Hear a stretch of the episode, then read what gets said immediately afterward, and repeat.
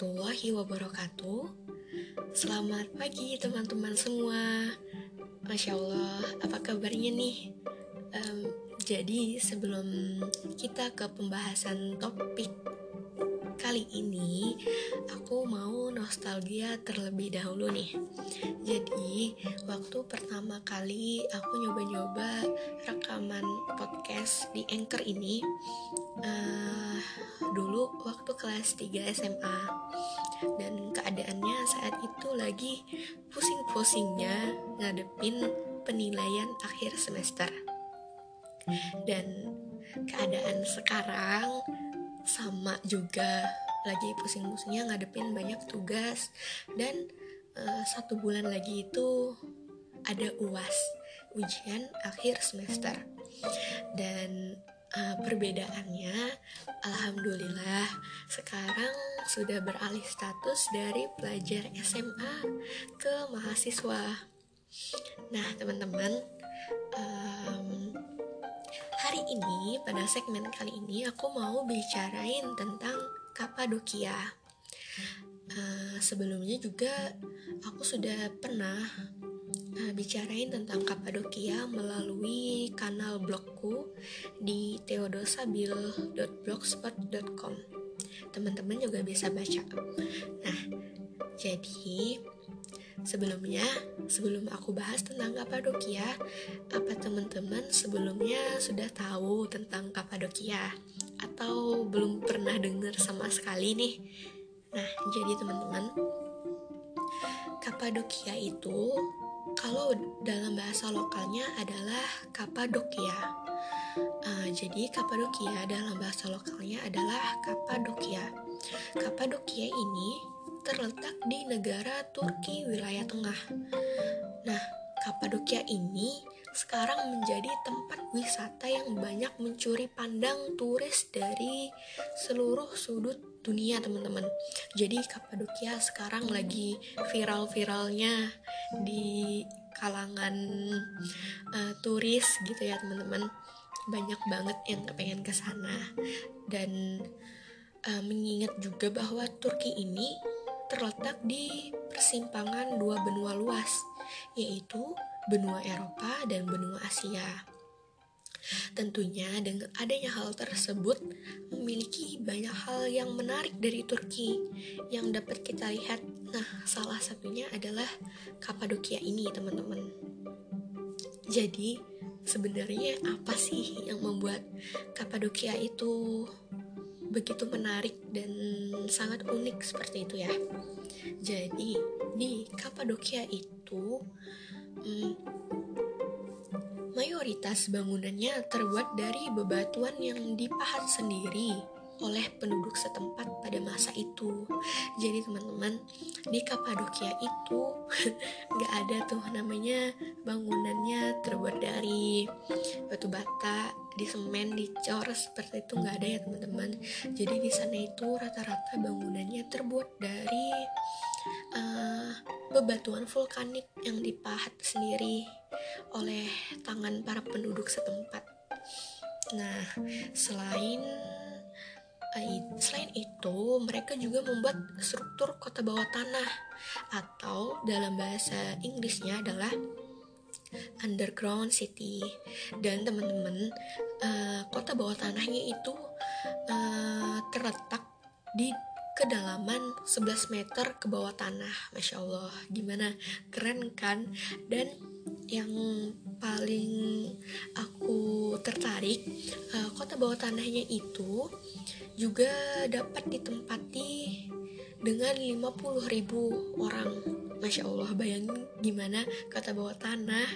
Terus uh, bangunannya mayoritas terbuat dari bebatuan vulkanik dan dapat ditempati 50 ribu orang. Masya Allah gimana keren kan teman-teman? Um, gak heran sih uh, Kapadokia di negara Turki ini menjadi salah satu menjadi salah satu UNESCO World Heritage Site. Nah, gimana teman-teman? Sampai sini sudah ada rasa penasaran belum sama Kapadokia? Nah, jadi uh, seperti yang aku bilang sebelumnya uh, bahwa Kapadokia ini bukitnya uh, merupakan batuan vulkanik begitu ya teman-teman dan bebatuan vulkaniknya itu berkontur sangat indah dan sedikit ajaib.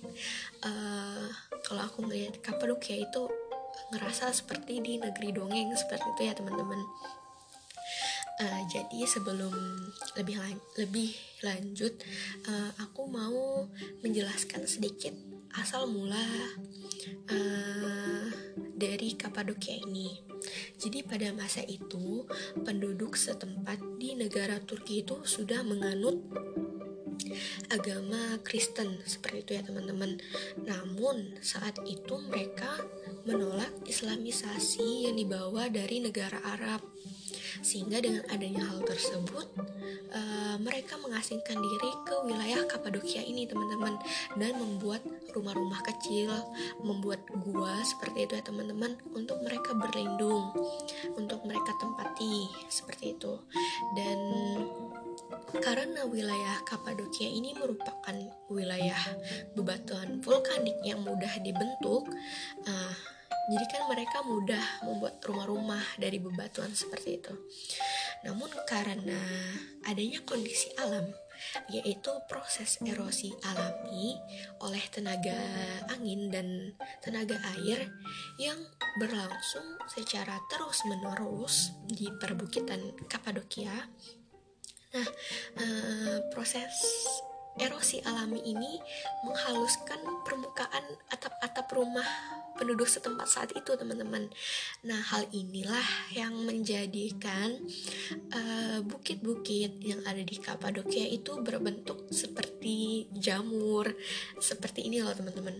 Seperti topi sihir kerucutnya Harry Potter. Nah teman-teman mungkin bisa searching aja di Google gimana uh, penampakan di Kapadokia dan uh, bentuk-bentuk aneh dan ajaib itu sering disebut dengan fiery chimney. Atau dalam bahasa Indonesia-nya adalah cerobong peri. Um, seperti yang aku sudah jelasin tadi gitu teman-teman.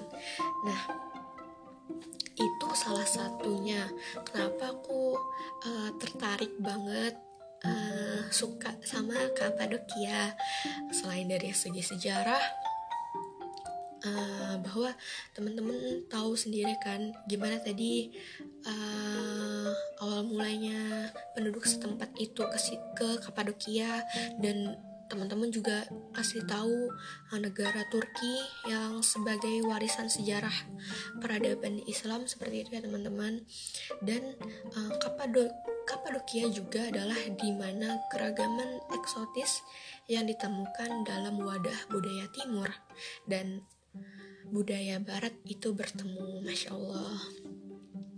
Uh, semoga suatu saat aku bisa pergi ke Kapadokia. Amin. Kita semua. Nah jadi oh iya selain itu yang paling viral yang paling populer di Kapadokia itu ada balon udaranya. Jadi kita bisa uh, menaiki balon udaranya untuk menikmati langit Turki, uh, menikmati keindahan perbukitan Kapadokia dan melintasi cerobong-cerobong peri yang di dalamnya banyak uh, misteri seperti itu ya teman-teman. Mungkin teman-teman bisa baca sendiri eh, fakta-fakta unik tentang Kapadokia dan uh, sungguh ciptaan Allah itu sangat luar biasa dan sudah sepantasnya untuk kita. Wajib hukumnya untuk bisa menjaga dan merawat alam yang ada di sekitar kita. Seperti itu ya teman-teman dan uh, mungkin contoh kecilnya aja misalkan kita pergi ke mana gitu ya. Nggak boleh buang sampah sembarangan. Sampahnya disimpan aja dulu di kantong atau di tas. Nanti kalau udah ketemu bak sampah di pinggiran jalan baru deh uh, sampahnya dibuang.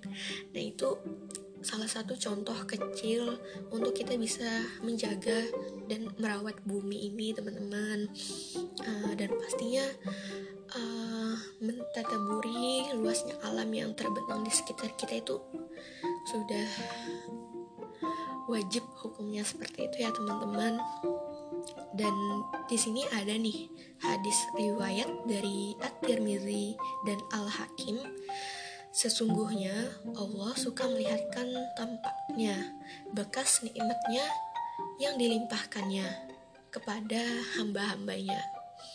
Jadi seperti yang sudah aku bilang tadi, eh, kita sebagai khalifah di muka bumi sudah sewajarnya untuk merawat, mentataburi, dan menjaga uh, alam yang terbentang di sekitar kita seperti itu teman-teman uh, mungkin informasi yang aku berikan pada segmen kali ini masih banyak kurangnya ya teman-teman. Aku juga baca-baca dari referensi-referensi yang ada di internet. Teman-teman bisa langsung searching untuk bisa mengetahui lebih dalam tentang Kapadokia ini. Um, mungkin sampai di sini aja pembahasanku kali ini. Jangan lupa cuci tangan, pakai masker, dan jaga imun tubuh ya teman-teman semua. Uh, semoga kita lekas membaik dan tetap semangat menjalani aktivitas dan bagi teman-teman mahasiswa nih mungkin lagi dia fase beradaptasi dari pelajar ke mahasiswa kan pasti stres. Aku juga seperti itu. Dan uh, tetap semangat karena aku gini aku ngutip dari perkataan ulama dari Tarim Hadramaut. Kata beliau seperti ini selama kita hidup, selama itu pula lah kita dihadapkan oleh perjuangan. Jadi walaupun bagaimanapun kita bersembunyi uh, dari suatu masalah, itu nggak nggak akan menyelesaikannya teman-teman, nggak akan menyelesaikan masalah. Jadi yang harus kita lakukan adalah tetap bangkit dan uh, hadapi masalah itu dan selesaikan. Insya Allah, kalau ada kemauan, ada semangat, pasti Allah kasih jalan. Karena sekuat apa pun kita menghindar, kita pasti akan selalu bertemu dengan yang namanya perjuangan. Mungkin itu aja yang dapat aku sampaikan di segmen kali ini. Mohon maaf atas segala kekurangannya. Assalamualaikum warahmatullahi wabarakatuh. Dadah.